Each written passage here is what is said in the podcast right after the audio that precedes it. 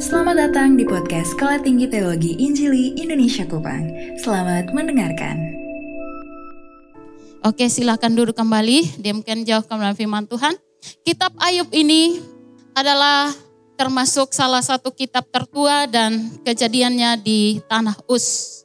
Ya, kalau kitab ini saya rasa sering kali Anda khotbahkan atau kita dengar bagaimana kebenaran firman Tuhan yang kita pelajari. Nah saudara yang dikasih oleh Tuhan, adalah seorang laki-laki di tanah Us bernama Ayub. Orang itu saleh dan jujur. Ia takut akan Allah dan menjauhi kejahatan.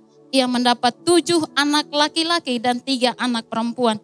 Ia memiliki tujuh ribu ekor kambing domba, tiga ribu ekor unta, 500 pasang lembu, 500 keledai betina dan budak-budak dalam jumlah yang sangat besar. Sehingga orang itu adalah yang terkaya dari semua orang di sebelah timur pasal 1. Saudara yang dikasih oleh Tuhan. Kalau kita lihat di pasal 1 kita bisa melihat di situ gambaran yang luar biasa tentang pribadi Ayub. Siapakah Ayub? Ayub orang kaya orang yang terkaya bahkan di daerahnya di saat itu. Saudara yang dikasih Tuhan, beribu-ribu bahkan anaknya banyak. Di dalam namun saudara yang dikasih oleh Tuhan, pada awalnya ketika dia dinyatakan sebagai orang yang luar biasa, pada saat yang sama ya Tuhan mengizinkan penderitaan menimpa Ayub. Harta Ayub, segala yang dia miliki harus hilang dalam waktu sekejap. Ya, di situ di kalau kita baca pasal 1 sampai selesai, dilihat di situ bahwa dirampok oleh orang Sheba, orang Kasdim, ada anaknya yang meninggal dalam berbagai bencana, ya, bencana angin ribut dan juga ada yang mati karena orang menyerang. Nah, saudara yang dikasih Tuhan dalam waktu sekejap kehilangan harta benda, anak orang-orang yang hal yang paling berarti dalam hidupnya. Ayub ya. Penderitaan tidak penderitaan yang dialami Ayub tidak berakhir pada pasal itu.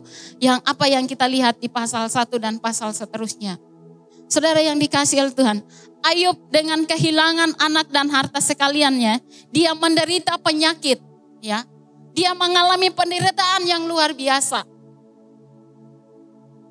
Kehilangan uang 100 ribu kadang membuat kita akhirnya apa? Bersungut sungut. Jangankan seratus ribu ketika kita tidak punya uang kembali. Apa kata Ayub? Ya, Ayub bilang apa? Ketika dia mengalami segala kehilangan dalam segala sesuatu. Ya, Ayub bilang apa kepada Tuhan? Tuhan yang memberi, Tuhan yang mengambil. Terpujilah nama Tuhan. Saudara, kita baru kehilangan uang 10 ribu. Kita sudah bilang apa? Siapa yang ambil, yang ambil yang kita caci maki dan segala sesuatunya kita sudah ungkapkan, keluarkan, termasuk saya. Ya, kadang ketika saya kehilangan uang, saya bilang begini, saya punya anak, saya bilang Nugi. Ya, saya tanya, Nugi, Nugi bilang, sonde mah. Padahal saya yang salah simpan. Setelah saya cari kembali, saya ketemu. Dan saudara, kita baru kehilangan hal yang kecil. Kita sudah panik. Merasa kita orang yang paling kehilangan. Ayub sudah kehilangan segalanya, harta benda yang dia punya sudah hilang. Anak, bahkan yang terpuruk adalah istrinya pun menyarankan dia untuk mengutuki Tuhan dan segala musibah yang terjadi ketika dia mengalami penyakit. Ya. Bukankah orang terdekat kita itu harusnya yang memberikan motivasi, menguatkan kita ketika mengalami masalah? Ayub justru istri bilang sudah, menyerah sudah kutuk Tuhan. Tapi Ayub bilang apa? Tidak. Nah saudara, di pasal yang ketujuh ini yang kita akan pelajari. Saya ambil tetap judul yang sama yaitu hidup itu berat. ya Hidup ini berat. Saya tetap pakai judul yang sama. Kenapa hidup ini berat? Pasal pasal 7 ayat 1 sampai 10. Karena hidup ini penuh dengan pergumulan. Apa pergumulan yang kamu alami saat ini? Pasal ini membuktikan kepada kita bahwa bukankah manusia harus bergumul di bumi dan hari-harinya seperti hari hari-hari orang upahan.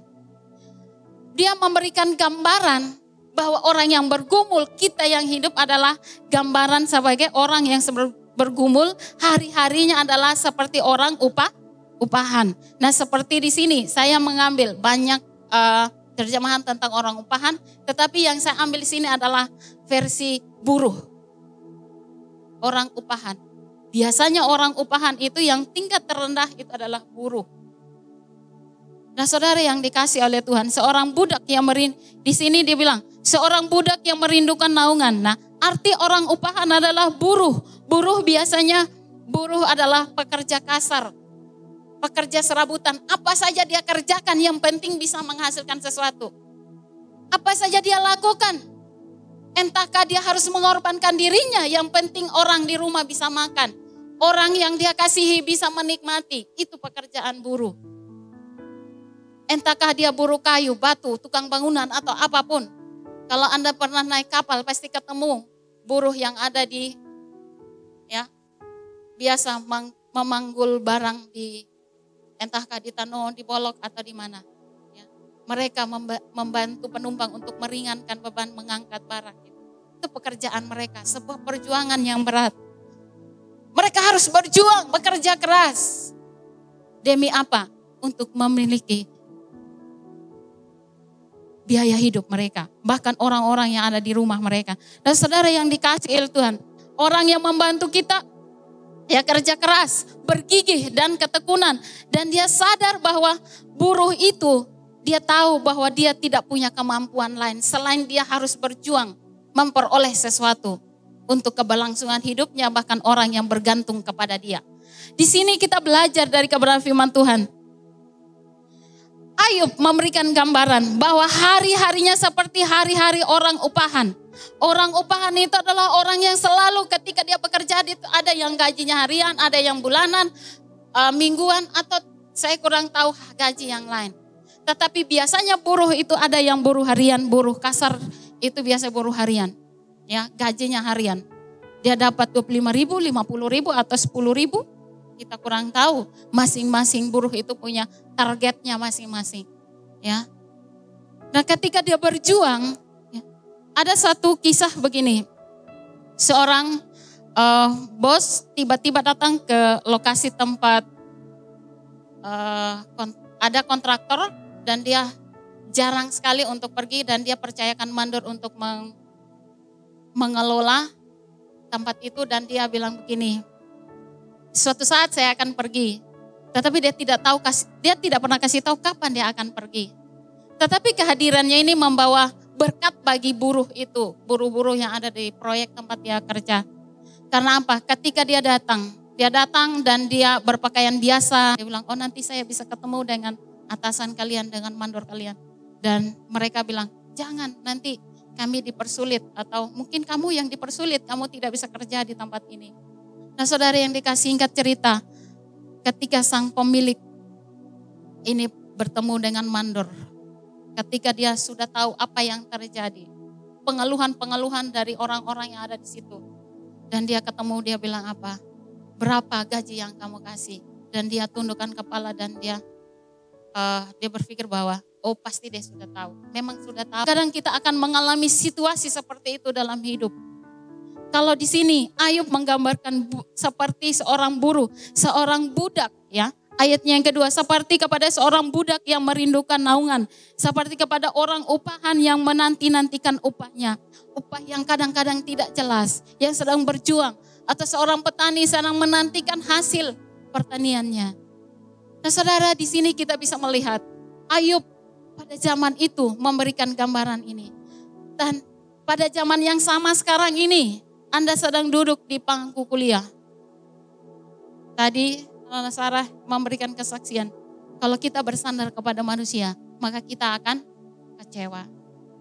Tapi kalau kita bersandar kepada Tuhan, Tuhan pasti akan membuka jalan.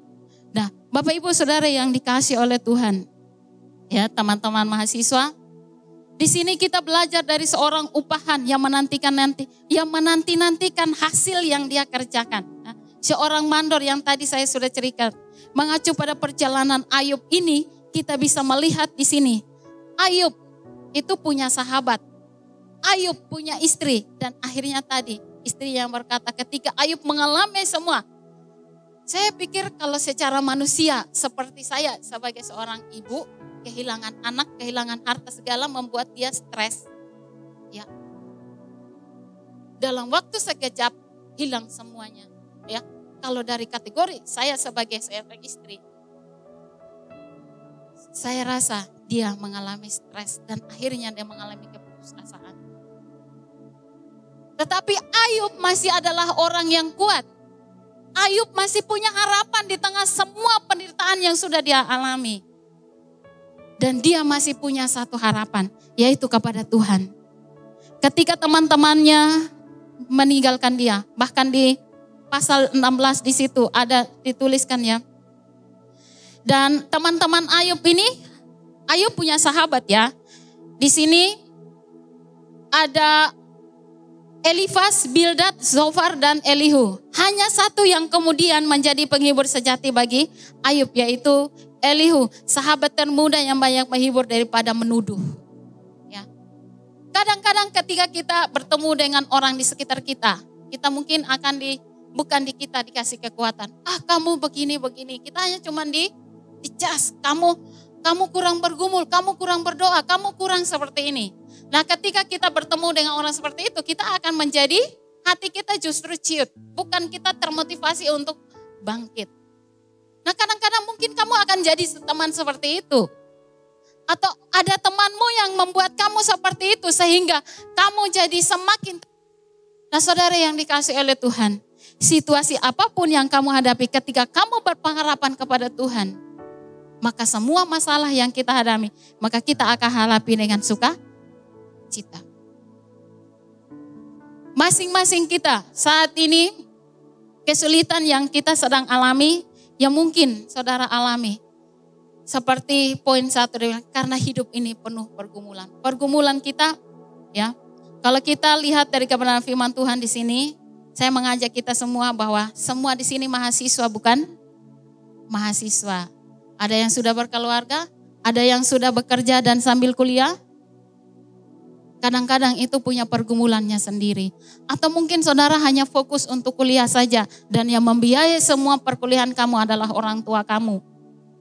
Maka fokus kamu sebenarnya masalah yang kamu hadapi itu hanyalah masalah pendidikan kamu di kelas. Pendidikan kamu selama kamu ada di kampus ini. Bagaimana kamu, bisa mengerjakan tugas-tugas. Paling-paling berkutat seperti itu. Kalau kamu memiliki biaya hidup dari orang tua. Tetapi ketika kamu adalah mahasiswa yang juga bekerja, di situlah pergumulannya. Nah saudara yang dikasih Tuhan, tidak semua kita itu punya jalan hidupnya yang sama. ya. Ada yang dibiayai orang tua, ada yang dibiayai sponsor, ada yang harus dia bergumul meneteskan air mata dan sambil bekerja.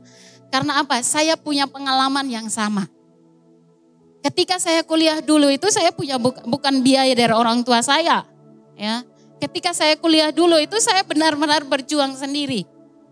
Orang hanya Tuhan mempertemukan saya dengan orang-orang yang tepat. Ya. Ketika saya kuliah itu saya uh, memang tinggal. Ya, saya tinggal sebenarnya dengan adik dari Ibu Kris Marantika yang pendiri kampus ini. Saya tinggal dengan mereka Ketika mereka tidur di hotel, saya juga tidur di hotel. Karena Pak Kris itu jarang di Indonesia. Dia hanya hidup di atas pesawat karena sebentar dia di Amerika, sebentar dia di Australia, sebentar bahkan orang mau ketemu dengan beliau saja susah. Ya, dia hanya hidup di atas pesawat dan dari antar negara. Dan saya biasa menemani Ibu Kris untuk kadang-kadang beliau itu tidurnya di hotel. Saya ikut tidur di hotel, bangga, bangga. Benar, saya tinggal di tidur di hotel. Tetapi di di balik semuanya itu saya sedang bekerja keras. Ya. Kalau hidup dengan beliau satu tentang ketaatan dan juga kerja keras. Kalau beliau jalan itu bukan jalan seperti kita, normalnya santai seperti ini bukan. Kalau beliau jalan itu dia tunduk begini baru dia jalan begini. Jalan, lari, ya, setengah berlari. Dan ketika dia panggil saya, ya, Bapak Ibu bisa tahu, orang yang bertahan untuk kerja di rumah beliau itu, ya asisten rumah tangga itu paling lama setelah dia terima gaji pertama dan dia sudah resign. Ya. Ketika tahun-tahun itu tahun 2000-an ya, saya tinggal dengan beliau. Setelah 2004, 2005 saya sudah mendekat wisuda dan saya sudah apa?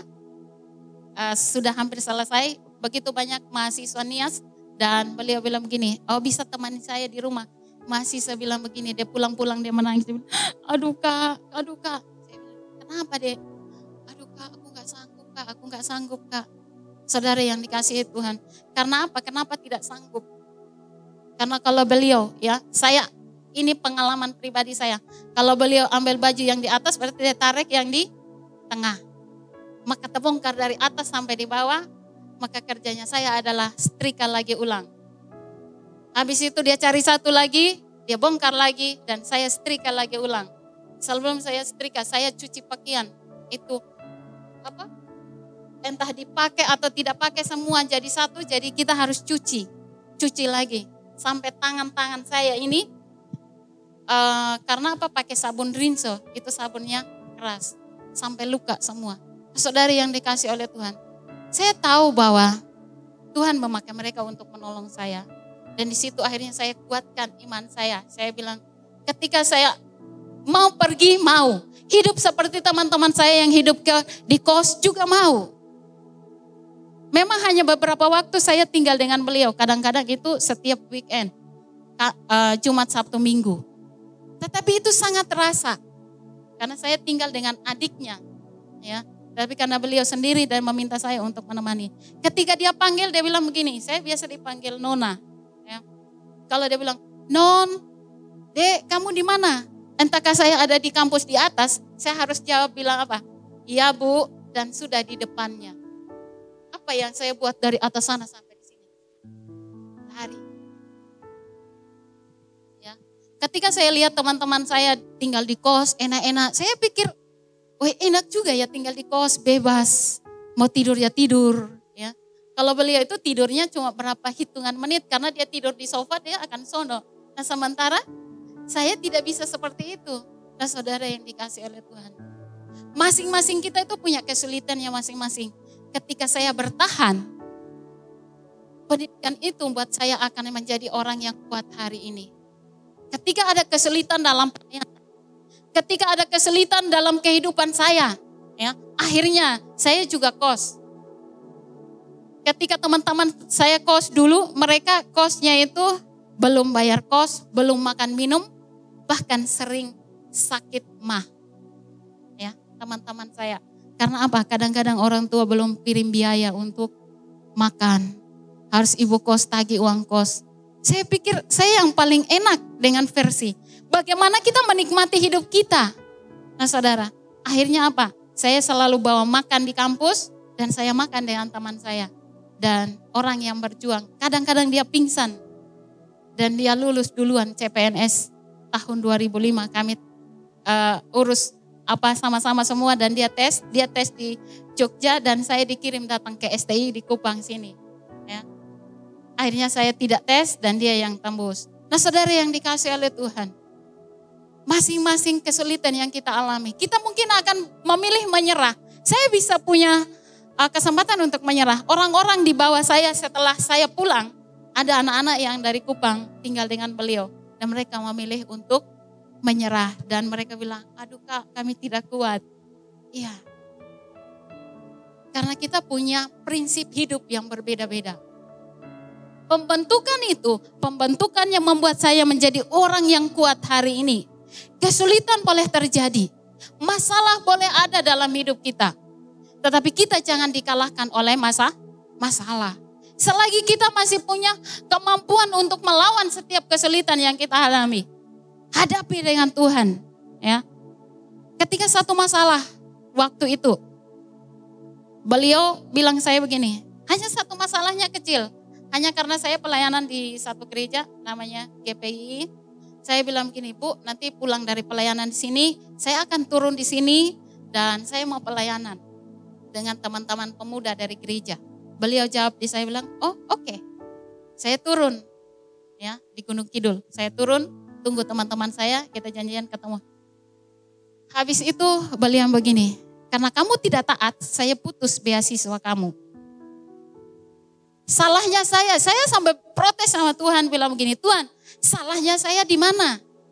Pelayanan sudah, saya ikut sudah semua. Tapi hanya karena saya minta, karena kami punya gereja sendiri dan kami pelayanan. Beliaunya gereja baptis. Dan saya GPI. Dan beliau bilang, karena kamu tidak taat. Tidak taatnya hanya karena apa? Saya tidak harus pulang dengan beliau. Dan saya diputus beasiswanya, diputus semua. Dia kirim ke bank, dia kirim ke biaya hidup, dia bayar di kampus. Dia panggil saya, dia bilang, dek mulai dari tahun ini saya tidak membiayai kamu. Saya bilang, saya tarik nafas dan saya bilang begini, Tuhan terima kasih.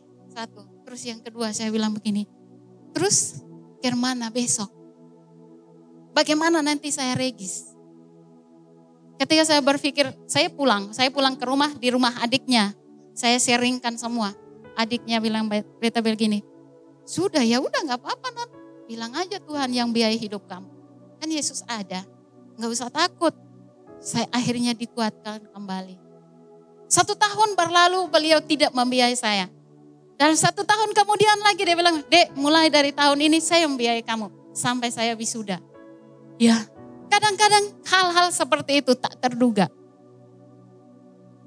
Saya tidak pernah memikirkan dan saya tidak pernah berharap bagaimana orang tua saya membiayai saya.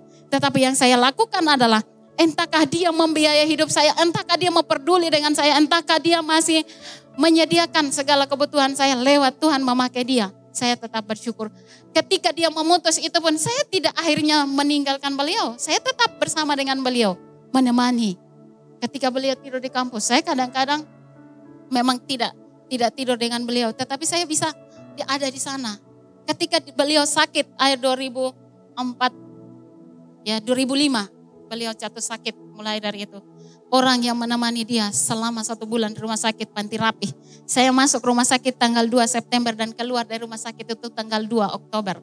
Dan saya di rumah sakit itu hanya pulang ke rumah, pergi pulang, pergi pulang. Saya saya bilang gini, saya sudah lebih dari pegawai apa suster di Panti Rapih. Ya, karena menemani beliau. Saudara saya tidak menyimpan. Nah ketika masalah ada dalam hidup kita, kalau kita lihat masalahnya, maka kita akan kecewa kecewa kepada manusia, kecewa kepada situasi, kecewa kepada orang tua kita. Saudara yang dikasih oleh Tuhan, saya punya uh, kesempatan untuk kecewa dengan orang-orang terdekat saya. Karena apa? Kalau bilang saya punya latar belakang orang tua saya itu mereka petani. Memang pada saat-saat bulan Desember, Januari, Februari, Maret itu adalah masa sulit bagi mereka. Tetapi di masa Mei, Juni dan seterusnya itu mereka masa jayanya. Mereka bisa kirim uang kasih saya sebenarnya. Tapi saya tidak tahu mengapa mereka tidak mau dan tidak peduli dengan saya. Tetapi itulah jadi kesaksian bagi saya. Ketika Tuhan menolong saya melewati semua proses itu tahun satu uh, pada akhirnya ayah saya bilang papa saya mau menjemput saya untuk kembali ke Sumba dengan alasan supaya uh, karena situasi di di apa Sumba mengatakan bahwa saya hidup hanya karena jual diri, hidup karena yang sudah tidak baik lagi itu rumor yang tengah terjadi. Akhirnya bapak saya bilang, sudah uh, jemput Jogja. Dia bilang pulang saja. Nona ini bajual saja. Ya buka toko, kok buka kios kok. Supaya bajual. Tapi saya bilang, Bapak sebelum saya bawa ijazah saya dan gelar sarjana, saya tidak akan pulang. Jadi Bapak bilang, nah bagaimana Bapak bisa bantu uang sekolah kamu? Saya tidak tahu. Tempat tinggal saya bilang saya, Tuhan Yesus yang menyediakan. Mampu kita lewati semua kalau Tuhan yang menyediakan. Itu perjalanan saya yang saya tempuh. Nah saudara yang dikasih oleh Tuhan, pada siang hari ini Anda mengalami kesulitan, hari-hari ini kita sekarang ya. Saya pikir kesulitan itu hanya terjadi dulu waktu saya kuliah. Dan sekarang ini sudah tidak terjadi lagi. Ketika kita sudah bekerja, ketika kita sudah melayani, ketika kita sudah berkeluarga. Ternyata tidak. Firman Tuhan bilang hidup ini berat. Karena hari-hari yang kita lalui adalah hari-hari yang penuh ketidakpastian. Apa yang membuat kita kuat? Apa yang membuat kita terus eksis mampu hari ini? Itu karena Tuhan. Dari firman Tuhan ini kita bisa belajar bahwa ya ketika saya kuliah Tuhan memproses saya. Ketika saya kerja pun Tuhan masih memproses saya. Tetapi apa-apa yang saya alami dulu itu menguatkan saya hari ini bahwa apa yang dididik dulu itu adalah pelajaran untuk saya ketika saya berpisah dengan mereka. Ketika saya sudah hidup, menjalani hidup saya sendiri, saya akhirnya teringat bahwa ternyata begini. Kerasnya hidup waktu itu membuat saya kuat hari ini. Ketika hari ini saya mengalami kekecewaan dalam pelayanan, dalam pekerjaan, dalam segala situasi hidup saya, ya. Saya yang terakhir kemarin itu saya ikut tes. Tes sama-sama dengan beberapa mahasiswa kita yang ada di sini. Kita berjuang bersama ya. Tes P3K ketika dilihat dari nilai saya bilang begini wah nilainya tinggi. Saya pikir lulus. Ternyata tidak lulus. Ya, saudara tidak lulus. Saya bilang begini uh, saya tarik nafas ketika lihat di hasil SSCASN-nya itu bilang begini mohon maaf bukankah nilai saya sudah berjuang semampunya saya dan nilai saya tinggi dan kenapa hasil akhirnya tidak lulus? Ya. Dan beda nilainya dengan orang yang lulus itu hanya 9 angka saja. Saya bilang begini, Tuhan nih, hanya 9 angka, sani Tuhan, Tuhan sen bisa tambah kok. Ya. Hanya 9 angka, sani Tuhan kasih lebih satu, saya kasih 10 supaya beta yang naik di atas. Itu maunya saya. Tapi maunya Tuhan bilang kan belum waktunya. Akhirnya ketika saya kecewa, saya secara manusia kecewa situasi seperti itu. Saya pikir semua penderitaan yang hari-hari yang sudah saya lalui sudah selesai. Ternyata sampai kapan kita tidak pernah tahu. Teruslah berjuang bersama dengan Tuhan. Kuatkan imanmu. Ya. Ketika akhirnya itu dibuka lagi tes lagi, ketika saya tes yang kedua saya bilang ini, ah mau tes, mau belajar juga sama, Son belajar juga sama. Jadi ketika saya tes di SMA 3, saya juga pergi dalam keadaan hujan dan ketika saya tes dalam keadaan lapar. Saya bilang begini, sudah beta kerja, beta tutup mata begini, klik, klik, klik, klik, selesai.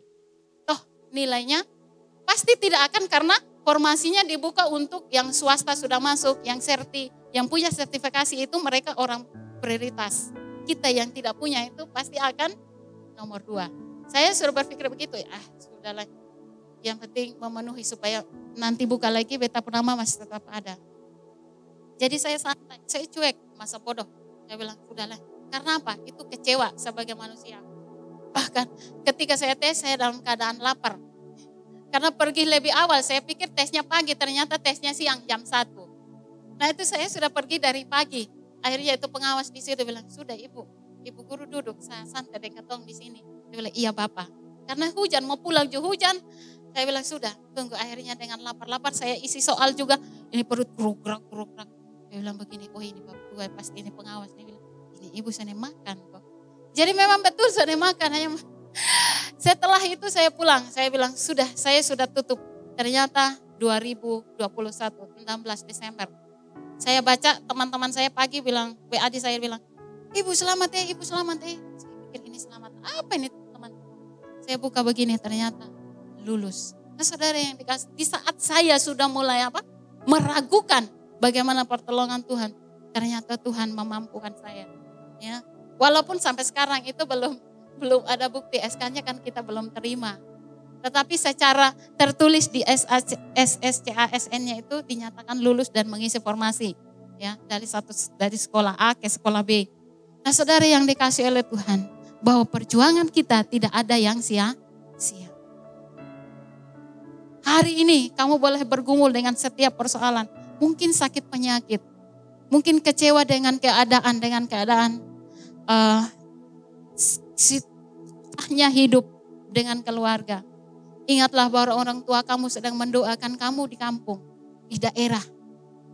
Ketika kamu minta uang hanya 100 ribu, menurut kamu mamai hanya kirim uang 100 ribu saja susah lah. Iya menurut kamu gampang. Tapi bagi orang tua yang sedang berjuang untuk mencari uang, itu susah. Bagaimana dia harus memikirkan kamu yang kuliah di sini? Bagaimana dia harus memikirkan anak-anaknya yang lain? Bagaimana dia menghidupi dirinya sendiri? Dia sedang berjuang, berusaha. Supaya ketika kamu minta uang dia bisa kirim. Atau mungkin saudara di sini ada yang sudah menikah. Ya. Kalau yang masih belum menikah itu mah aman. Tapi kalau yang sudah menikah, kalau mereka masih mau kuliah, itu menjadi motivasi bagi Anda yang masih single. Bahwa mereka harus apa? Membayar uang kuliah, harus mengurusi istri, anak atau suami mereka, berbagi. Ini jadi motivasi ya, karena hidup ini penuh dengan kesulitan. Hari ini kita belajar dari firman Tuhan. Ketika uh, yang saat ini sedang booming dan masalah yang tengah terjadi, kesulitan ekonomi. Saudara yang dikasih oleh Tuhan, Presiden kita melalui berbagai media, media sosial, media cetak mengatakan bahwa ekonomi dunia akan mengalami gelap. Kita akan masuk tahun 2023, dia berkata bahwa ekonomi dunia ini akan mengalami gelap, kesulitan. Itu karena apa? Diperkirakan ya, perang Ukraina dan Rusia itu tidak akan berakhir dalam waktu dekat. Hal ini berdampak pada seluruh dunia. Waktunya waktu masih panjang. Tidak tahu kalau masing-masing negara masih ego maka akan berakibat pada seluruh dunia dan apalagi kita Indo. Dan presiden mengatakan bahwa hari-hari di depan kita akan gelap. Apakah lantas membuat kita rapuh? Memang firman Tuhan bilang jangan khawatir tentang hari esok.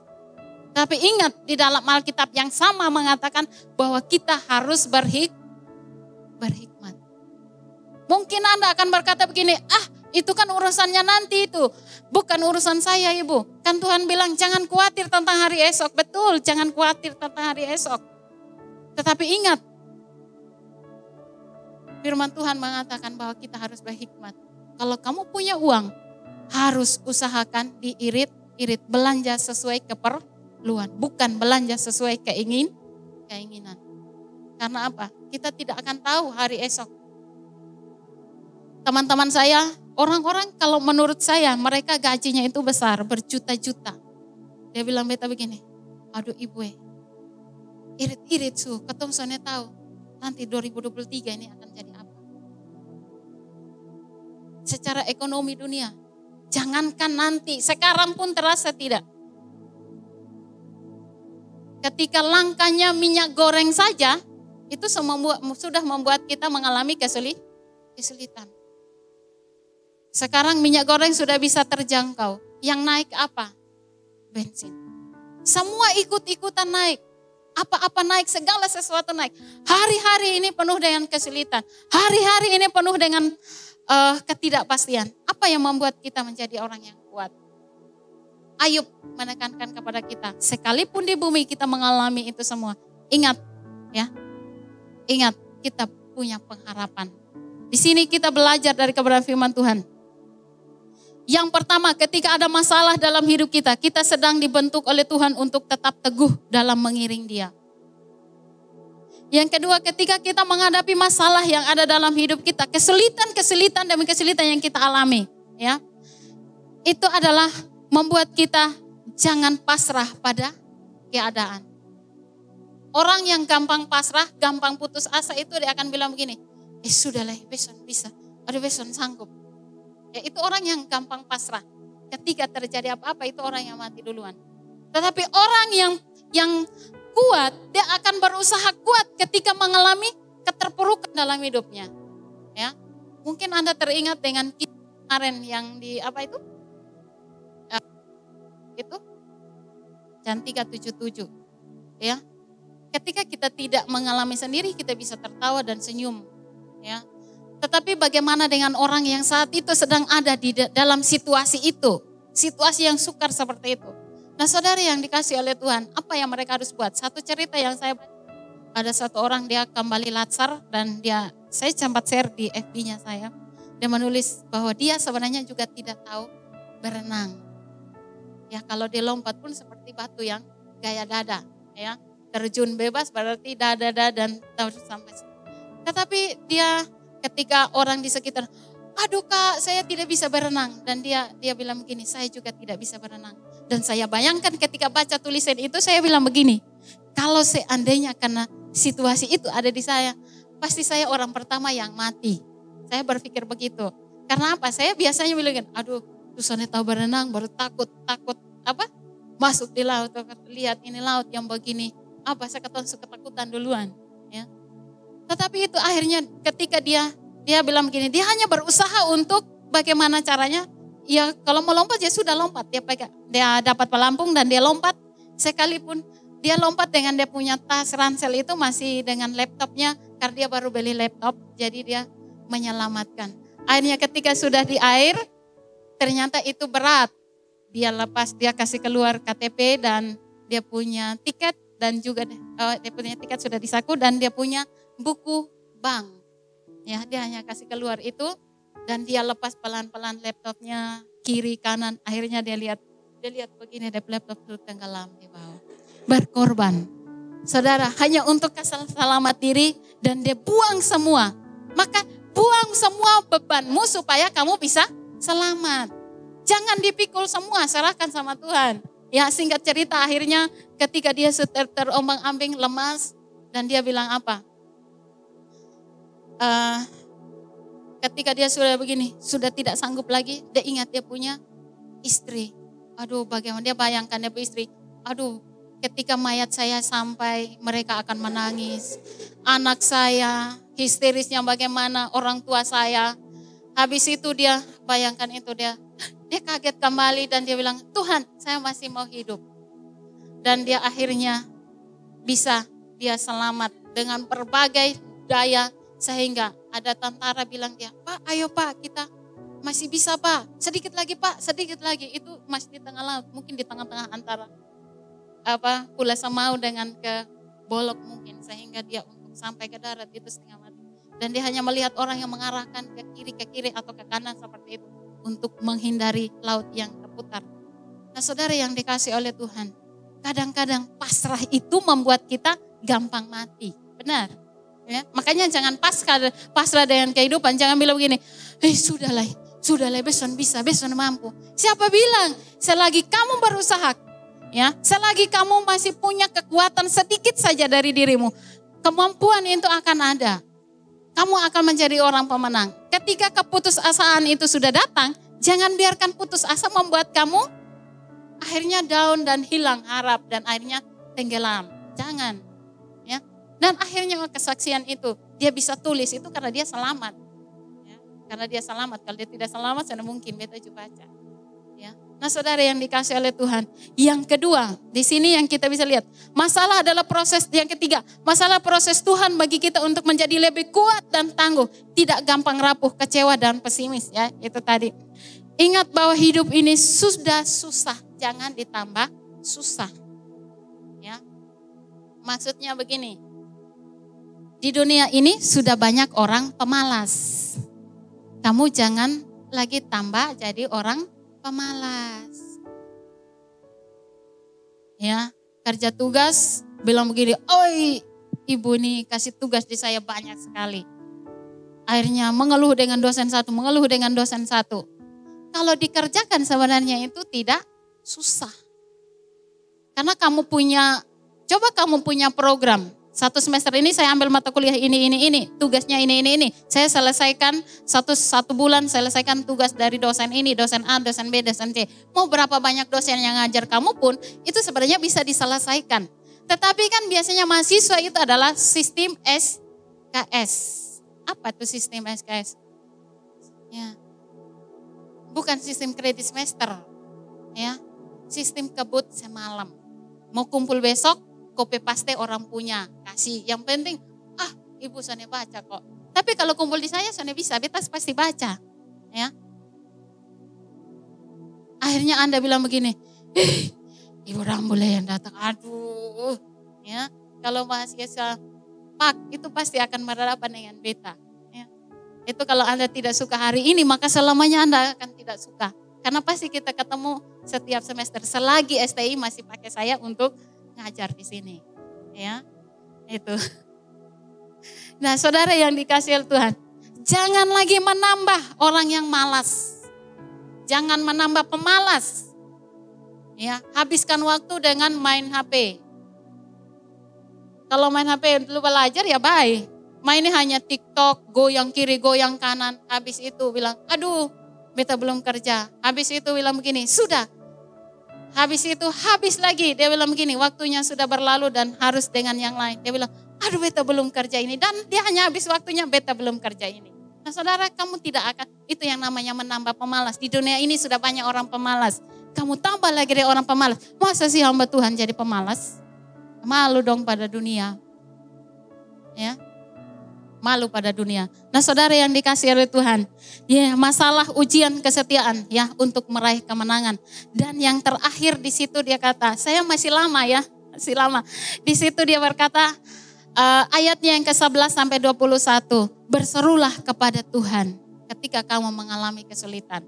Nah saudara yang dikasih oleh Tuhan, sahabat-sahabat Ayub meninggalkan dia.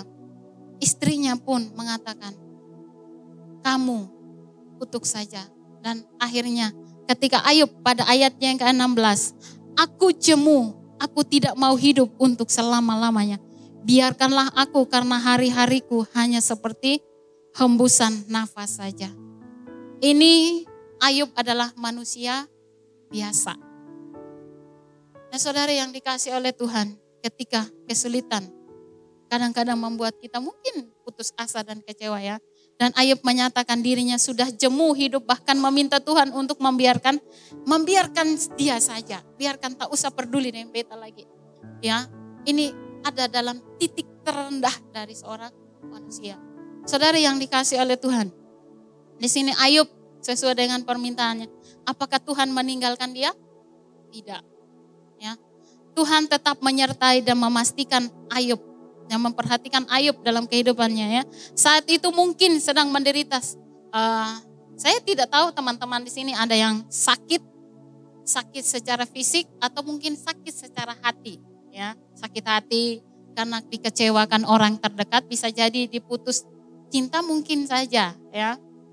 Itu jadi jangan jadikan masalah hati itu untuk mempengaruhi pendidikan kamu di sini. Ingat ya, Tujuan utama kamu ada di STI untuk menempuh pendidikan.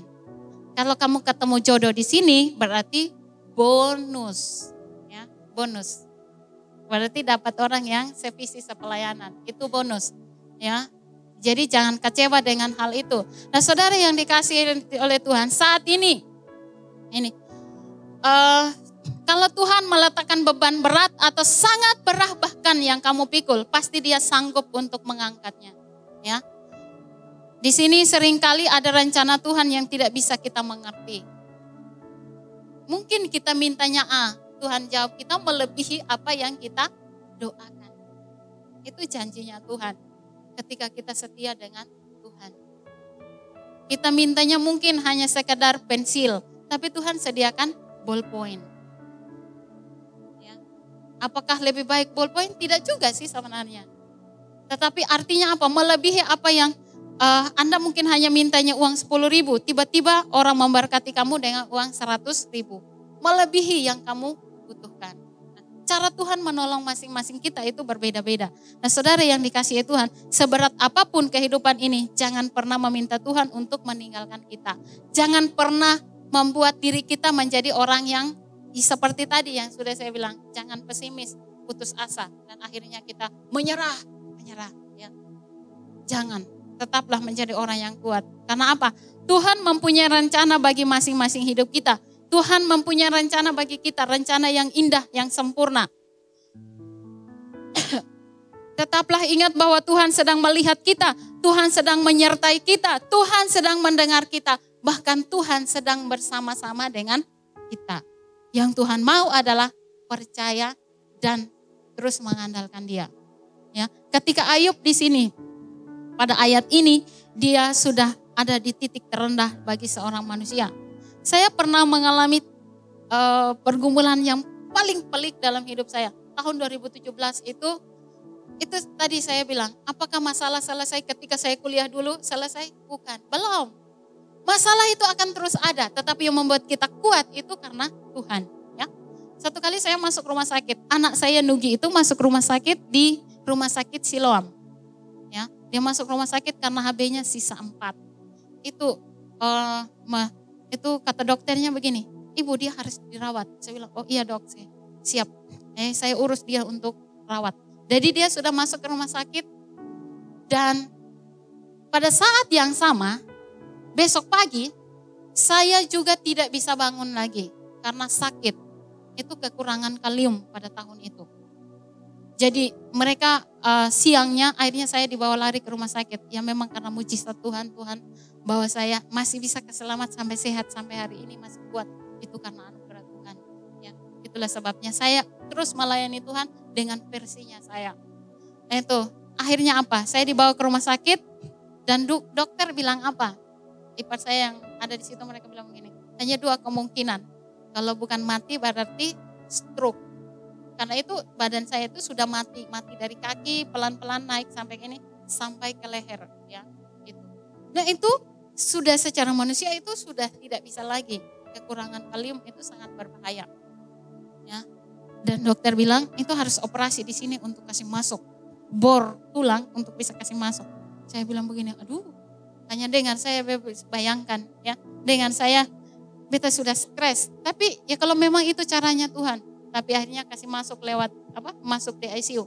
Anak saya sementara dirawat di rumah sakit Siloam dan saya sedang masuk di rumah sakit di ICU di rumah sakit Bayangkara.